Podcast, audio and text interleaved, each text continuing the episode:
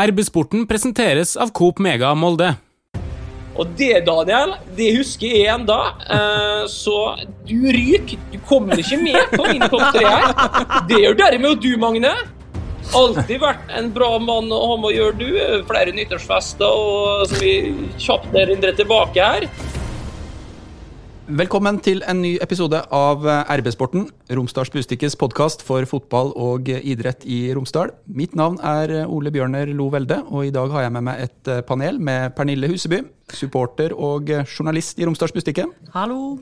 Martin Brøste, sportsjournalist i Romsdals Bustikke. God dag, du. Og i dag har vi en gjest som akkurat har signert for Mjøndalen på nytt. Velkommen, Christian Gauseth. Å, tusen takk. Det er en glede å være med. Det er jo alltid artig å være med på podkast, men det er jo en ekstra ære selvfølgelig når en får lov å bli med i hjembyens eget flaggskip av en podkast. Tusen takk for det, og gratulerer med ny kontrakt i Mjøndalen. Litt fram og tilbake, litt mediestyr, sånn som det pleier å være, og så kommer du ut og, og signerer. Fortell oss hva som har skjedd, Kristian. Nei, det var jo Det store tristelementet var jo den størrelsen på, på medaljebonusen. Jeg mente jo at den måtte være høyere. Klubben mente at nei, den kan ikke være så høy. Det, det er såpass sannsynlig at vi kommer til å få den. Så, så vi ble ikke helt enige der. Men til slutt så, så kom vi i mål også der. Hvor høy er den bonusen? Nei, den er jo selvfølgelig veldig høy. Eh, hvis vi skal ta medalje i årets eliteserie, så, så må jeg være eh, på mitt aller beste. Og da må alt eh, være i orden, både på og utenfor banen. Og det, det, er det nå. Jeg ble spurt om hva jeg trodde det her handla om, og da sa jeg at det er en av de tre p-er. Det er enten pride, stolthet, kan være penger, men det kan også være PR. Kan du være med å oppklare litt hva det var som spilte inn her, når kapteinen lot vente på seg? Ja, altså det, det, er mange ting som venter på seg sånn, opp, oppi, dette det bildet her. PR-delen av det er vel ikke Den er ikke medvirkende i det hele tatt. Pride den kan jeg være med på, for at jeg har vært veldig mange år i Mjøndalen. Uh, dette her blir min niende sesong, og da er det naturlig at du som kaptein kan sette enkelte krav. Ikke verdens tøffeste krav, men enkelte krav kan du, kan du sette. Og eh, det gjør jeg i hverdagen min, hver dag, for å få oss og eh, dem rundt meg til å bli gode. Og da, da syns jeg det er naturlig at det anerkjennes, også i kontraktsforhandlinger. Og eh, så er jeg veldig glad da, for at det ble det nå. For jeg hadde nok stått last og brast med, med, hvordan jeg tenker rundt akkurat her. Nå har vi nå kommet til april, da. det er jo snart forhåpentligvis sesongstart. Det får vi nå se på, da. Men var det sånn at du var nær da, med å komme til en annen klubb, eller? Jeg hadde flere andre tilbud, men ingen av dem, altså, ingen av dem som, som, som trigga i meg den der gnisten. Så jeg hadde nok lagt opp, hvis vi ikke kom til enighet her. fordi at de andre mulighetene jeg fikk av andre aktører utenfor banen, det var så fristende at det var Det, det merka jeg at der kom den gnisten. Der var det veldig mye eh, som jeg fikk tilbud om, som jeg kunne tenke meg å gjøre. Så da med et barn på vei, og at vi trives veldig godt her i Drammen, så, eh, så hadde det nok gått den veien. Men det vet jeg aldri. Kunne kommet noen andre inn fra, fra sidelinja helt på tampen òg, men er veldig happy for at det ble mer, mer Mjøndalen. Det ble jo en stor nyhet når du da gjorde helomvending og, og, signerte. Kan du si litt om hva slags tilbakemeldinger du har fått når, når den signaturen var på plass, og det er klart at du fortsetter i Mjøndalen? Uh, ja, det kan jeg godt. En er jo privilegert som fotballspiller. En får lov å drive med noe som trigger følelsene i folk. Når du går ut på matta på søndag, så vet du det at OK, nå er jeg med å prege uka til alle dem som er og ser på her, og alle dem som kommer fra dette stedet her. Og jeg er med på å avgjøre hvordan den uka uh, blir.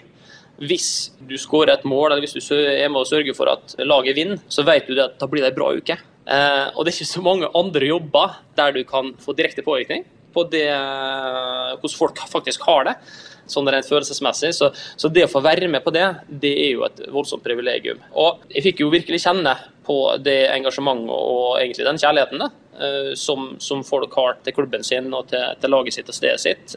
Nå når det så ut at det ikke ble først. Da var det jo eh, helt overveldende. Og desto mer gledelig når det gikk i orden. Da eh, sender ordføreren melding til meg og forteller at hun gråter gledestårer. Jeg får melding av veldig mange supportere og frivillige og i det hele tatt, som, som er bare helt overlykkelige det er noe som, eh, som, gjør meg enda mer motivert. Det å kjenne på, kjenne på, det engasjementet der, og at det betyr så mye for folk. Det er derfor vi driver med fotball. Men du fikk ikke melding fra ordføreren i Molde, eller? Jeg skal ikke spørre, ja. Torgeir Dahl, var han glad? Uh, jeg kan ikke røpe uh, innholdet i meldinga, og om eller ikke, ikke hadde fikk meldinga av en Torgeir. Det jeg kan si, er at uh, jeg har jo tidligere hatt det litt med en Torgeir Gjør når vi uh, laga to mot én, i Mats, og så var vi på besøk hos Magnus Eikrem i Cardiff. Da, da ringte, vi, ringte vi Torgeir og ba om å få fikk en Magnus til å spørre om han kunne få ei gate oppkalt etter seg sjøl. og det var en Torgeir. Det var en positiv ting. Ja, han var diplomatisk der, altså. Ja, det var på sin plass. Det skulle vi se litt på om vi ikke kunne få til. Har du noen tanker om hvor i byen den eh, eventuelt burde vært, Kristian? Eh, Gata til Magnus? Ja, altså det er vel eh, en del gatenavn som, som er ganske sånn spikra og, og, i orden allerede. Så dere hadde nok ikke kommet helt opp mot Storgata, nei, Pernille. Hei, heller ikke andre på en måte ærverdige gata i Molde. Det er jo en slags topp tre, der Storgata gjerne omkalles som Bronseplass. Fannestrandsveien, selvfølgelig Sølvplass, og så da Olsmedbakken som eh, Gullgata i Molde. Det er jo den topp tre. Så inn der hadde ikke Magnus kommet. Han hadde nok fått seg en sånn Rødgate eh, oppå Årølia, tenker jeg, til et nytt byggefelt der. Men vi har jo allerede Eikremsvingen, eller Eikrem, da, altså, så vi kunne jo bare slippe, vi kunne bare slippe en Magnus foran der, liksom. Magnus Eikremsvingen. Vil bare presisere at Magnus han har ingenting med verken Eikremsvingen eller Eikrem Panorama. Dette her er kun stedsnavn. Eh, det har ingenting med hans person å gjøre. bare så vi har... Eh, han har ikke sponsa Eikrem Panorama. Det har han ikke. Pernille, hva betyr det for uh, Eliteserien i fotball at Christian Gauseth har signert ny kontrakt med Mjøndalen, og at vi får se ham også i sesongen 2021? Ja, det ble jeg veldig glad for. Jeg tilhører jo den, den gruppa som liker Christian. det er jo litt sånn Fins det ei gruppe som ikke liker noe? Ja, det var en sånn god Hva man skal si? 70-30, kanskje? Nei, jeg vet ikke. Han er jo en fyr som folk, eh, folk elsker å hate, og både elsker og hater, kanskje. jeg vet ikke. Men for, eh, for Eliteserien så betyr det mye, for du er jo en profil. sant? Altså, man veit jo aldri hva som skal skje i en kamp mellom Molde og Mjøndalen, og det hadde vært ekstremt kjedelig å spille mot Mjøndalen uten det. Eh, om du skal sparke ned reklameskilt eller rettsass eller hva du skal gjøre, så veit man liksom aldri. Så det, nei, jeg ble kjempeglad. Det, jeg håper du går for en tiende sesong òg. Det kan ikke slutte på ni. For uh... Ja, nei, vi får se på det. altså. Vi bare si det at det, eh, Angående det, så er jeg enig med Pernille. Jeg òg hadde trodd at det var litt sånn 70-30, men det inntrykket det har faktisk, det faktisk skifta litt nå. Okay. Fordi at uh, etter at de på en måte takka for meg da, på, på Instagram i, på onsdag, var det vel i påskeuka, Altså, jeg fikk så mye meldinger fra andre lag sine supportere. Så koselig. Eh, ja, det var veldig koselig. Veldig overraskende. Eh, jeg tipper jeg fikk 30 eller 40 meldinger fra ja, godsfans. Hva tror du det er? 80-20, da? Kanskje?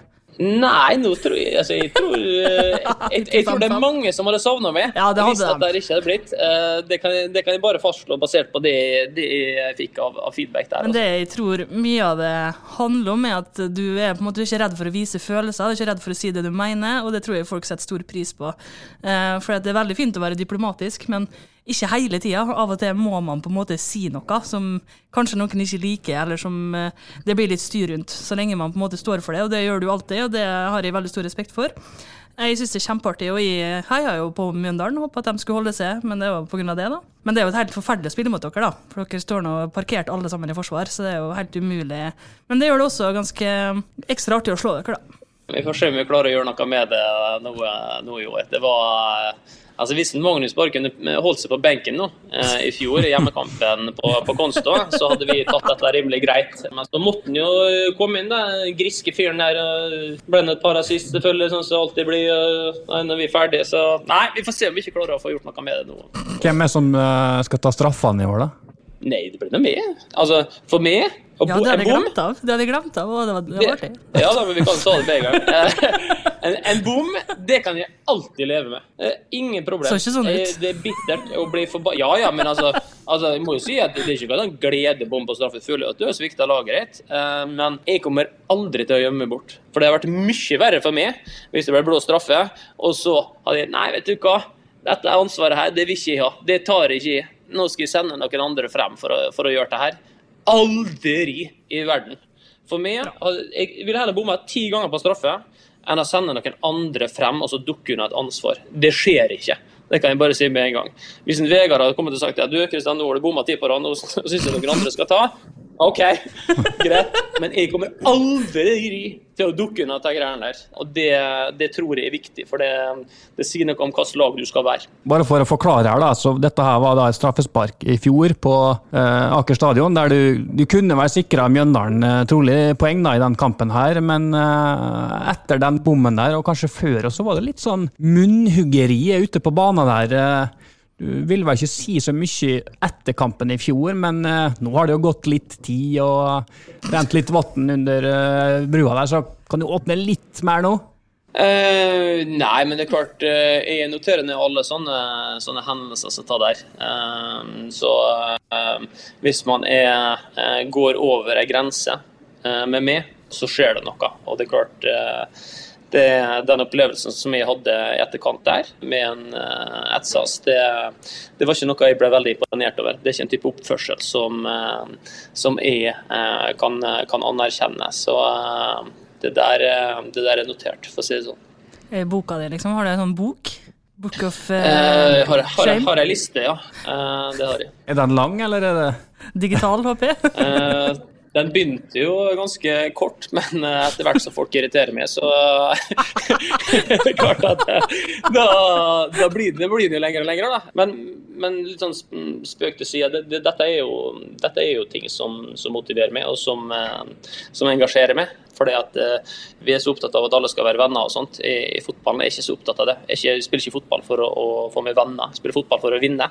Eh, og det, det er jobben min. Og dette her det kan være med å bidra, i hvert fall for min egen del, eh, på at den motivasjonen den blir, den blir enda sterkere. Så ja, jeg gleder meg til å komme i gang. Men eh, oppgjøret Molde-Mjøndalen, eh, spesielt her på Aker stadion, har jo en eh, viss glans.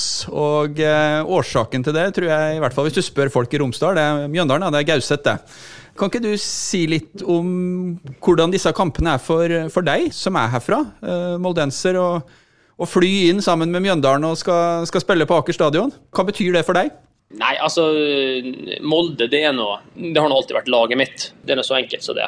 Og så var det jo veldig stort å få spille i Molde og være med på, på starten på den suksessen som klubben har hatt siden. Eh, og når du ser seg i bakspeilet, så kan du reflektere litt om ok, var det riktig å gå til, gå til Bryne den gangen, kontra det å være med videre på et lag med Pappa til Dioff, Mambram Dioff, eh, Magne Hoseth, eh, Dalen Berg Estad, Knut Olav Rindarøy, Markus Andreas. Altså, brukbart, da. Altså, det er ikke noe galt, men, eh, men Vegard Landro og Alexander Midtsian er i Bryne. Men eh, det er jo et viss eh, nivåforskjell eh, på hva, hva som har blitt prestert her, da. Det må vi nå bare være, være ærlige på. Så, så opp, oppgjørene mot Molde de er, de er spesielle, og så er det det er en rar følelse eh, å sitte på flyet hjem. og eh, Jeg pleier jo som regel å kjøre ta mikrofonen fremst i lagbussen når vi lander, eh, og kjøre eh, sightseeing eh, på, selvfølgelig på flere språk innover til sentrum. Og det pleier å bli,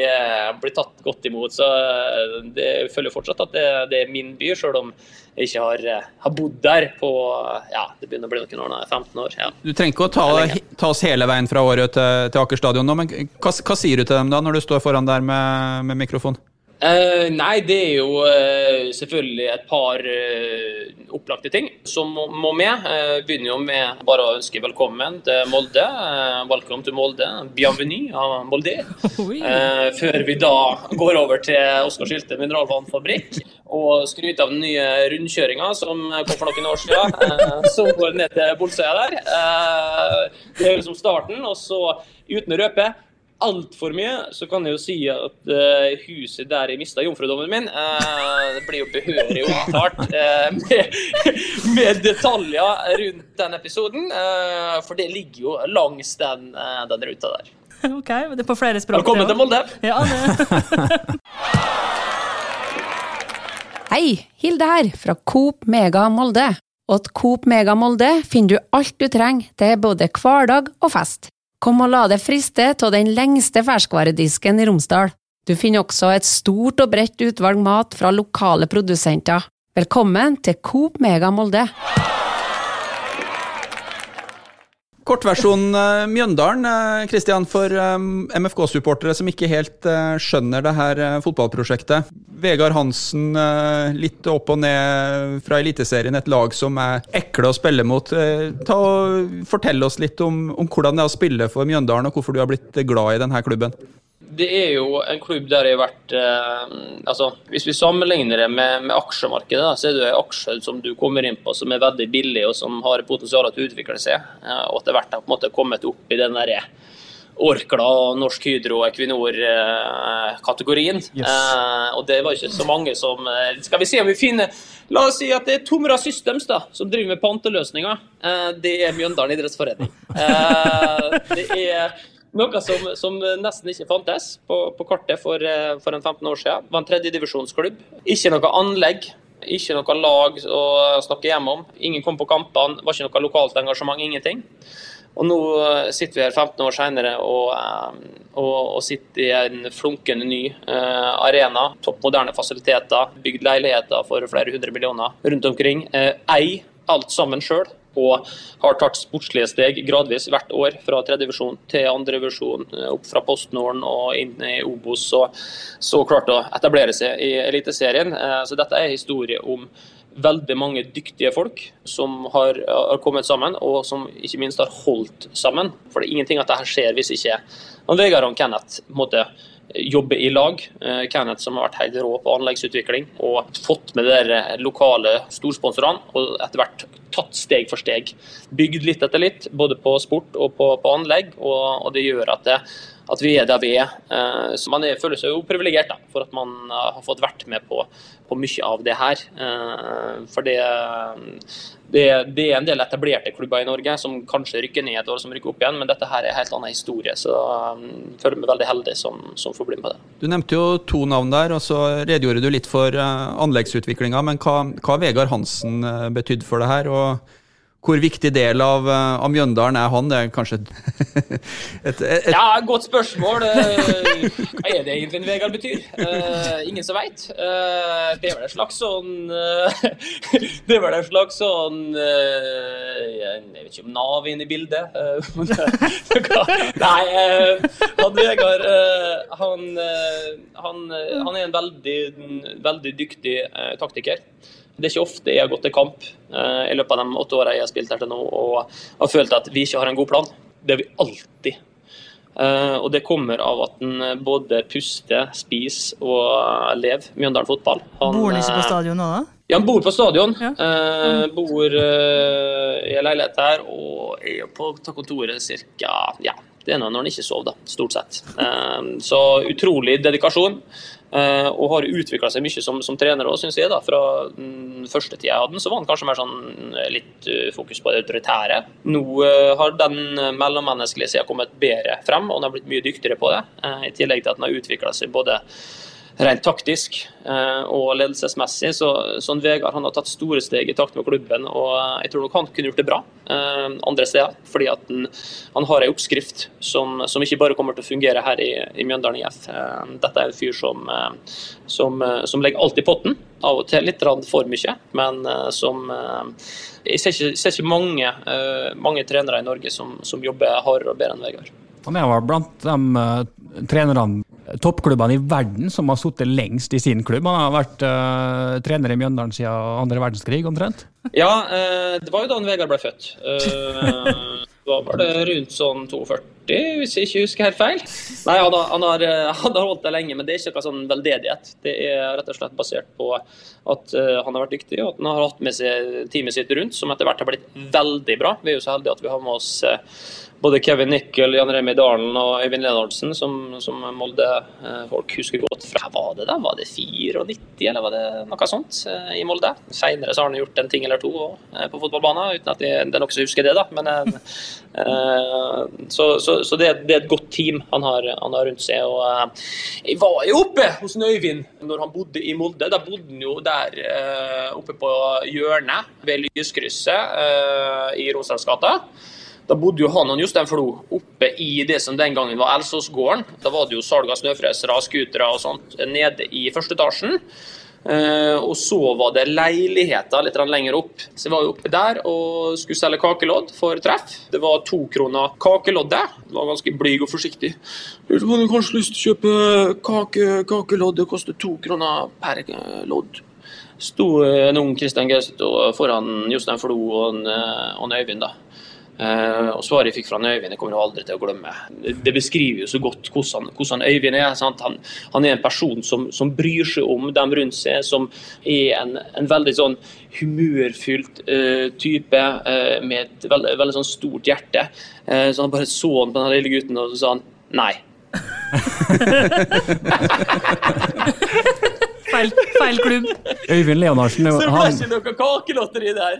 Han er jo involvert i en av de artigste fotballvideoene som finnes der ute på, på YouTube, når Morten Ramm er på trening i, i Strømsgodset, og Øyvind Leonardsen er oppe med en finger der og nærmest går og sladrer til Dag Eilif Fagermo om hva Morten Ramm gjør.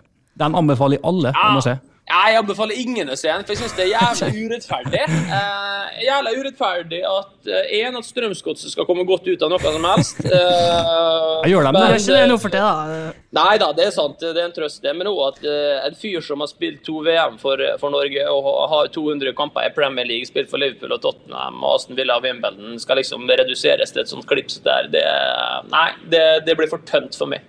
Ja, da burde du i hvert fall ikke gå inn og se den uh, Suzuki-reklama med Kjetil Rekdal og co. Den er jo helt uh... Men Kristian, jeg har et spørsmål til deg. For jeg har jo intervjua det en gang til et portrettintervju. Husker du det? Ah, ja, du tenker på uh, alt mulig kaptein? Ja, da... til helgebilaget. Ja. Det, er jo, det er jo på mange måter Jeg vet ikke, Ole Bjørnar, men du, du, kan jo kanskje bekrefte det her. Stemmer det at det intervjuet brukes uh, i opplæring av, av nye journalister i, i RB? Ja da, det, det, er riktig som du sier, at hvis vi får inn noen mm. vikarer litt sånn for sjanger og det å skape oppmerksomhet rundt et intervju, så mm. det, det, er korrekt. Det. Mm. det du sier der, da snakka vi litt om det å holde på dialekter, og det har jo du gjort. Så har du For vi vet jo det er flere, eh, sikkert av våre felles kjente og andre folk som figurerer på TV, som eh, har bodd i Oslo en stund. Og de klarer ikke å snakke dialekta si lenger. Har du noen råd, og hva synes du om det? Altså, Vi kan jo bare, vi trenger ikke gå rundt grøten her, Pernille. Vi kan bare si det så det. Den vi prater om, det er det. Bernt Hulsker. Eh, eh, fordi at det er det er så vondt å sitte og høre på måten du kaver rundt i eget språkreir. her. at det er sånn at det, Når du snakker, så er det ofte at jeg tar på mute eh, på, uh, på, fjernkontrollen, for det er så vondt og hjerteskjærende å høre på. Den eneste som er verre enn det, Bernt, det er Jon Arne Riise. Ja, det, og det, da er det galt? Da er det galt? Ja, og, og det, er, det, er, helt utrolig. Du skal ikke være flau over der du kommer fra. Du skal være stolt. Du har lært å prate på en måte, og det er godt nok. Eneste unntak er hvis du for skal prate med håndverkere som ikke forstår norsk, og som har begynt på norskkurs eller lignende. Da kan du legge om litt og prate litt mer bokmål og litt høyere. Men ellers så holder vi på den dialekten vi har, og det er ikke så veldig vanskelig. Det går på lokal stolthet for meg, rett og slett. Jeg registrerer jo nå at når Bernt Hulsker er tilbake i Romsdalen og figurerer på Kompani Lauritzen, da, da prater han så bredt! Ja, det er helt vilt. Men da snakker jo til og med Morten Hegseth trønder. Eh, så det er noe som skjer med folk når de kommer i nærheten av sine hjemlige trakter. Men det kan dukke opp en de innimellom, da. Det er forfrysninger. Men Blir du stemt ut i de programmene der, eller? Er det... Nei, du må i sånn kamp. Du skal, kamp, ja. okay. du late som at du ikke ja. ser på nå? Nei, jeg trodde kanskje at det var mulighet til å score litt sånn sympatipoeng i sånne settinger da, for å snakke dialekt, men, eh, men eh, det er ikke sånn, altså. Nei. Du Kristian, 36 eh, år, ny kontrakt for Mjøndalen. Vet ikke om du føler at tida er inne for å se litt tilbake i tid også, ja, men eh, du var jo egentlig inne på tanken med å, å legge opp. Kan du ta oss kort gjennom fotballkarrieren din? Når du snakker på skjermen her, så er det grønn ramme rundt deg, og det, det syns jeg egentlig var litt, var litt fint, for du er, du er jo treffer. Ja da, er det. Var um, utrolig heldig som fikk oppveksten min i treff. Dels pga. et helt utrolig miljø i klubben, og med en, en gjeng som var veldig seriøs. Ulrik Rokstad, Magnus Oltedal. Iver Fiksdal, Martin Mortensen. Det var mange på det, det laget der som var veldig seriøse, og som vi samles hver kveld, også utenom trening, for å spille fotball. Og Jeg husker jo eh, kvelder oppe på eh, gamle stadion, som det alltid kommer til å hete for meg. Og eh, måtte oppe i treffhallen eh, den gangen det både var kunstgress og grus der eh, etter hvert. Og man måtte snike seg inn. Og da var det jo alltid sånn Det var to punkter som var spennende i den dro oppover mot, mot treffene. For det var da, for dem som ikke husket det, var jo dette her en sånn Rofi plasthall som sto der treffhuset ligger i dag. Lukta veldig godt da, der inne. Ja, å, det var jo en blanding av kattepiss, leggbeskytter ja, sånn, sånn, og trenings, Sånn treningsvest, sånn, mark sånn markeringsvest. Å, deilig. Jeg kjenner lukta bare jeg tenker på Pernille. Mm. Men uansett, når man gikk oppover der, så var det jo alltid sånn OK, det er to ting som er spennende. Én, er det ledig? Og to, er det lys? uh, sannsynligvis så, så, fikk du én uh, av seg her. Kun unntaksvis fikk du begge. Men i den hallen så var det veldig mye gode treninger. Vi hadde en Rune Sjåholm, som da er far til han Petter Sjåholm, som trener treff nå. Han blir ofte kalt Pæri, han Petter. Uh, og han hadde jo en storebror som vi spilte på lag med, såkalte Tæri. Uh, og da sammen med stjernemegler i Molde nå, Banny Så danner dette her liksom grunnlaget for oppveksten min, og da var, da var treff en kjempesentral del. Jeg begynte jo først med Johan Sudman der, og så hadde Bjørn Nøsevik og Rune Sjåholm etter det. Og det var jo Rune som lærte meg stort sett alt jeg kan om fotball. Rune blanda inn både Eh, begrep som anerob og aerob utholdenhet. Og jeg husker at han sto oppe på haugen der de, de har begynt å pusse opp nå, bort på Lubbenes. Så jeg nå, bygge sånne nierbaner og sånt. Det er nå på tide da de skal pusse opp litt der. Men når vi spilte kamp, spilte vi jo elverfotball der. Og da sto Rune Sjålen oppe på eh, haugen der, rett ved siden av en kommentatorbue. Og han hadde jo en spesiell stil av Rune. Han jobba jo på det tidspunktet i Tine, eh, og da hadde han både en sånn melk Eh, kroppens egen byggestein eller et eller annet sånt. da, Caps på seg som han alltid brukte. Men det var ikke det mest fremtredende. Ei heller var det nikkersen som han alltid hadde på seg, eh, og da storknotteskoa som han brukte uten unntak, om det var asfalt eller gress eller grus som var underlaget. Men selvfølgelig selve centerpiecen og fashion statementen igjen. Rumpetaska! Den brukte Rune alltid. Og der hadde han notater til trening og alt sånt der, og den var jo uh, hyppig brukt. Og Da sto Rune oppe på haugen der når vi spilte kamp på Lubbenes, og vi spilte 4-3-3. Uh, eh, og Rune ropte 'ruller'. Dette ropte han ca. hvert tiende minutt. Og da var det Hvis du spilte flanke, så skulle du inn i uh, midtspissrollen. Og hvis du spilte midtspiss, skulle du ut på flanken. Så alle på laget lærte seg alle posisjoner. på den måten. Jeg, jeg, jeg blir, rørt, blir rørt jeg nå, Kristian. For når jeg leser om deg på Wikipedia, så står det her Gauseth kan bekle hele sentrallinjen. Så her altså ruller. Ja. ja.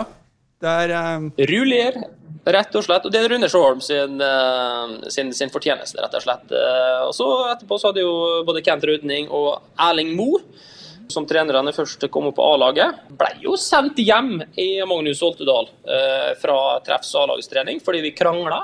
Eh, med de eldre guttene, eh, som da pur unge 15-16-åringer.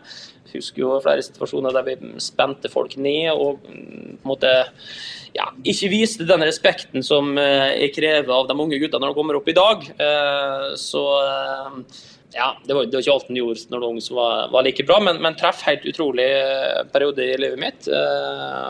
Og så ble det jo Oslo etter hvert. da. Bærum, Tor Ole Skullerud. Eh, etter det så var det jo da eh, Groruddalen. To år etter det tilbake. til Molde, for det gikk jo såpass bra i Groruddalen at eh, Var det med Teigen, eller? Jan Teigen? Teigen, vet du, i, i Groruddalen. Trivdes veldig godt med det. Og en ny sånn fotballsmart type. Uh, som, som lærte veldig mye av. Uh, og så bar det, bar det hjem da, i, i 2007. Hvordan var det å komme hjem til Molde, signere for uh, Molde A-lag, og med den, historien den historia, den bakgrunnen, Kristian? Eh, nei, det var målet uh, hele veien. For før så var det jo ikke sånn Nå får jeg, Det er jo så skammelig, det opplegget som kjøres nå.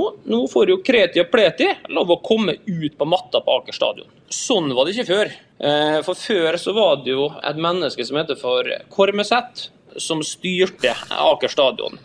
Og hvert av disse gresstrået ute på Aker stadion, det var Kormeset sine barn. Eh, og du tråkka ikke på Kormeset sine barn, med mindre du fikk tillatelse. Så hele oppveksten så fikk jo jeg var aldri ute på matta på Aker stadion før den dagen jeg debuterte for Molde. Det var ikke noe ned å spille en juniorkamp eller trene der eller noe sånt der. Nei, nei, nei. nei, nei. Da holdt man seg pent i bakgrunnen, og så eh, kom man på søndagene og så på, eh, men man fikk aldri lov utpå. Eh, Så det var utrolig spesielt. Og jeg kan ennå få frysninger når jeg tenker på liksom, det å stå i spillertunnelen før første hjemmekampen her, eh, etter at vi har vært i Sogndal og vunnet første kampen. Og, og skulle debutere med eh, alle vennene mine og familien på, på tribunen. Utrolig spesielt. Og en stor drøm eh, som gikk i oppfyllelse. Dette burde jeg jo lest meg opp på, men eh, hvem var det mot? Husker du det? Det var mot Moss, og jeg husker enda at uh, vi vant jo, selvfølgelig. Men jeg husker enda at Mambiram Jeg mener jo at han stjal uh, mitt mål. Fordi at jeg skyter han er- altså, Singsås prata med meg uh, før kampen, for jeg hadde jo voldsom slegge den gangen, som nå. Og skøyt jo veldig mye, men det kunne være litt vill i avslutningsøyeblikket. Og så sa han til meg før kampen at du, ikke skyt så hardt. Bare skyt med innsida når du skal skyte. Bare treff mål. Så det tenkte jeg på. Det kom en ball, og så skjøt jeg. Det var ikke skikkelig, det var ikke et godt skudd, men han gikk inn i ene stolpen, og så gikk han på streken, og så var han i ferd med å gå i mål, mener jeg da. Men da var en mann der og stjal mitt første mål. Eh, og siden så har han jo basert eh, karrieren sin på å fortsette å gjøre det der. Ja, muligens det har vært litt dyktighet òg. Eh, Står han på lista di, eller? Eh, nei, han står ikke på lista mi. Eh, han står på en annen liste. Han har et fantastisk mål. Når vi, vi snakker YouTube, han har et fantastisk mål på Etihad mot Manchester City for Stoke, som, eh, som gjorde Da gjorde han opp for det der, eh, Christian. Men Christian, Jan gjorde kanskje det. hvor gammel var du da du debuterte for Molde? 21, eller noe sånt. Ja. Ja, Det betyr at da spilte jeg faktisk på Aker stadion før det. For det på MFK Cup så fikk vi lov å spille på gressmatta på Aker stadion. Ja, jeg vet ikke, MFK Cup det var en sånn dag der vi flagga på halv stang eh, i treffland. Eh, Vi spilte på treff! Vi spilte for treff! Ja, det, det, vi fikk aldri lov til å den gangen. Vi fikk ikke nevne, vi, MFK Cup. Eh, Jeg husker en VM i Smørdal. Satt foten på det der. og Det var jo flaggstenger oppe på, på treffhuset den gangen, og da ble de senka til halv stang de dagene det var, det var MFK Cup. Eh, Så nei, da har du nok helt rett. Du var før meg. Hei, Hilde her, fra Coop Mega Molde. Kom innom og se vårt store, brede utvalg av mat fra lokale produsenter. Vi har også gavepakker til den som har alt. Velkommen til Coop Mega Molde. De eh, siste dagene så har du jo drevet og tygd litt fram og tilbake på om du skulle fortsette fotballkarrieren og spille for, eh, for Mjøndalen en, en sesong til. Har det vært mange sånne prosesser, hvis du ser tilbake på de valgene du har gjort som fotballspiller? Er det noen av dem du tenker i etterkant på at der kunne jeg hoppa på en, på en annen mulighet, et annet tog?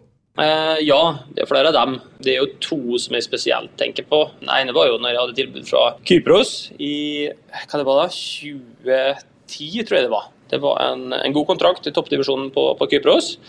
Uh, etter første året mitt i Alta. Da måtte det jo friste. Men Ja, det det frista sånn uh, Ja, men Alta, Alta det var etter, etter Bryne satt der nede og kjeda livet av meg og eh, fikk noen katter av en Gabriel Høyland. og Det var det kjedeligste livet jeg levde levd noen gang. Så var det en kjempeopptur å komme til Alta. Så der, der trivdes jeg helt utrolig. Så det var ikke noe sånn at jeg mistrivdes i Alta, jeg- heller tvert imot. Så det var det som gjorde at jeg, at jeg fortsatte der. Det var Jeg tok eh, bacheloren min i økonomi der, og så tok jeg jo videre på den når jeg flytta nedover hit. Men uh, alt av det var, en, det var rett og slett en, en kjempeopptur, og det var jo og grunnen til at jeg ikke hoppa på Kypros. Uh, var nede der og trente, og gjorde det jo så bra at jeg fikk kontraktsforslag. Men uh, da valgte jeg det trygge. Det har jeg vel gjort omtrent før eller siden, men akkurat da så gjorde jeg det. Da ville jeg fullføre utdannelsen min, og da da ble det mer, mer Alta. Men eh, sett i ettertid så hadde det vært litt artig å vise fasiten for andre alternativer. Du nevnte at det var to anledninger. Du var gjennom Kypros nå. Hva er, den, hva er den andre du har gått og tenkt på etterpå? Nei, Vi har vært litt inne på den allerede. Har jo eh, pratet om det en gang eller to før òg. Eh, jeg hadde et godt kontraktsforslag fra, fra Molde etter 2007-sesongen. Vi skrev bare en ettårskontrakt da jeg først kom, eh, og da var det en fireårskontrakt som lå på bordet fra, fra Molde. Det var bare ett problem. Jeg tjente like mye på to år i Bryne som jeg hadde gjort på fire i Molde. Og da ble det rett og slett Det var en del av det.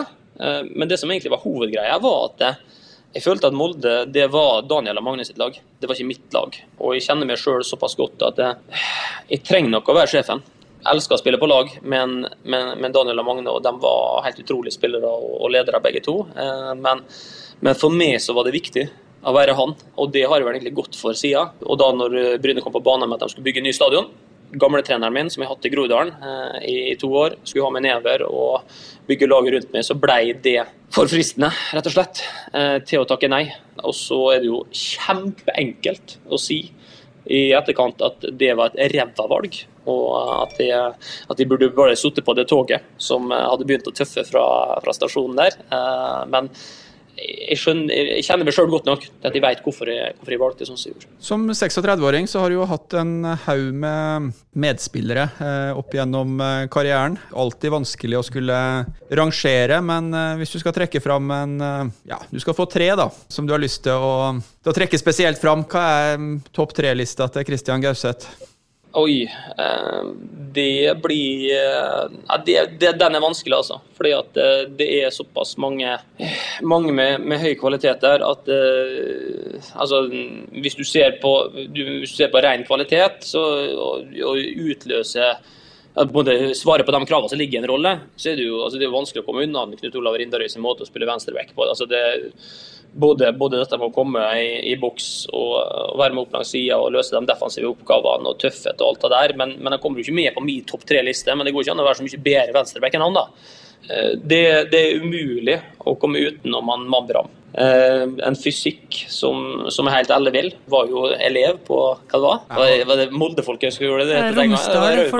Rauma. Rauma folkehøgskole. Jeg tror det kanskje var Rauma. Ja, det var Rauma. Heter Romsdal nå. Ja. Så skulle ikke, skulle ikke, være med i troppen, han skulle bare være med å trene litt. Han husker det ble presentert som eh, til å begynne med der. Uh, og så skåret han vel mot Djurgården i en treningskamp før sesongen, og da så nå alle det at oi, ja, dette her er Det er ikke en Marild Baldvinsson som skal spille spiss på det laget her. det er en bam. og sånn ble det jo. nei, så, så han, han, må med. Og så må jeg ta med han Pål Kirkevold i Mjøndalen. Helt ekstrem avslutter, målhunger. Eh, trøkk. Eh, avslutter med begge bein. Eh, har jo fått seg landskamper etterpå. Ja, er ikke, er ikke noe overraska over det. En, rett og slett en, en helt fantastisk spiller. Eh, og så er det hardt da, å måtte dumpe enten han Daniel eller Magne. Eh, Treneren må ryke. De er klasse begge to. Men jeg laga denne videoen til Daniel for noen år siden. Han la opp. Eh, og så var jeg jo òg Det var jo en sånn eh, testimonial-fest der. Eh, etter kampen med auksjon av drakter og alt det der. Og da husker jeg jo da, jeg ble invitert til denne testimonialen, så tenkte jeg ja, jeg skal være med inn med guttene og kose meg på middagen og alt sånt der.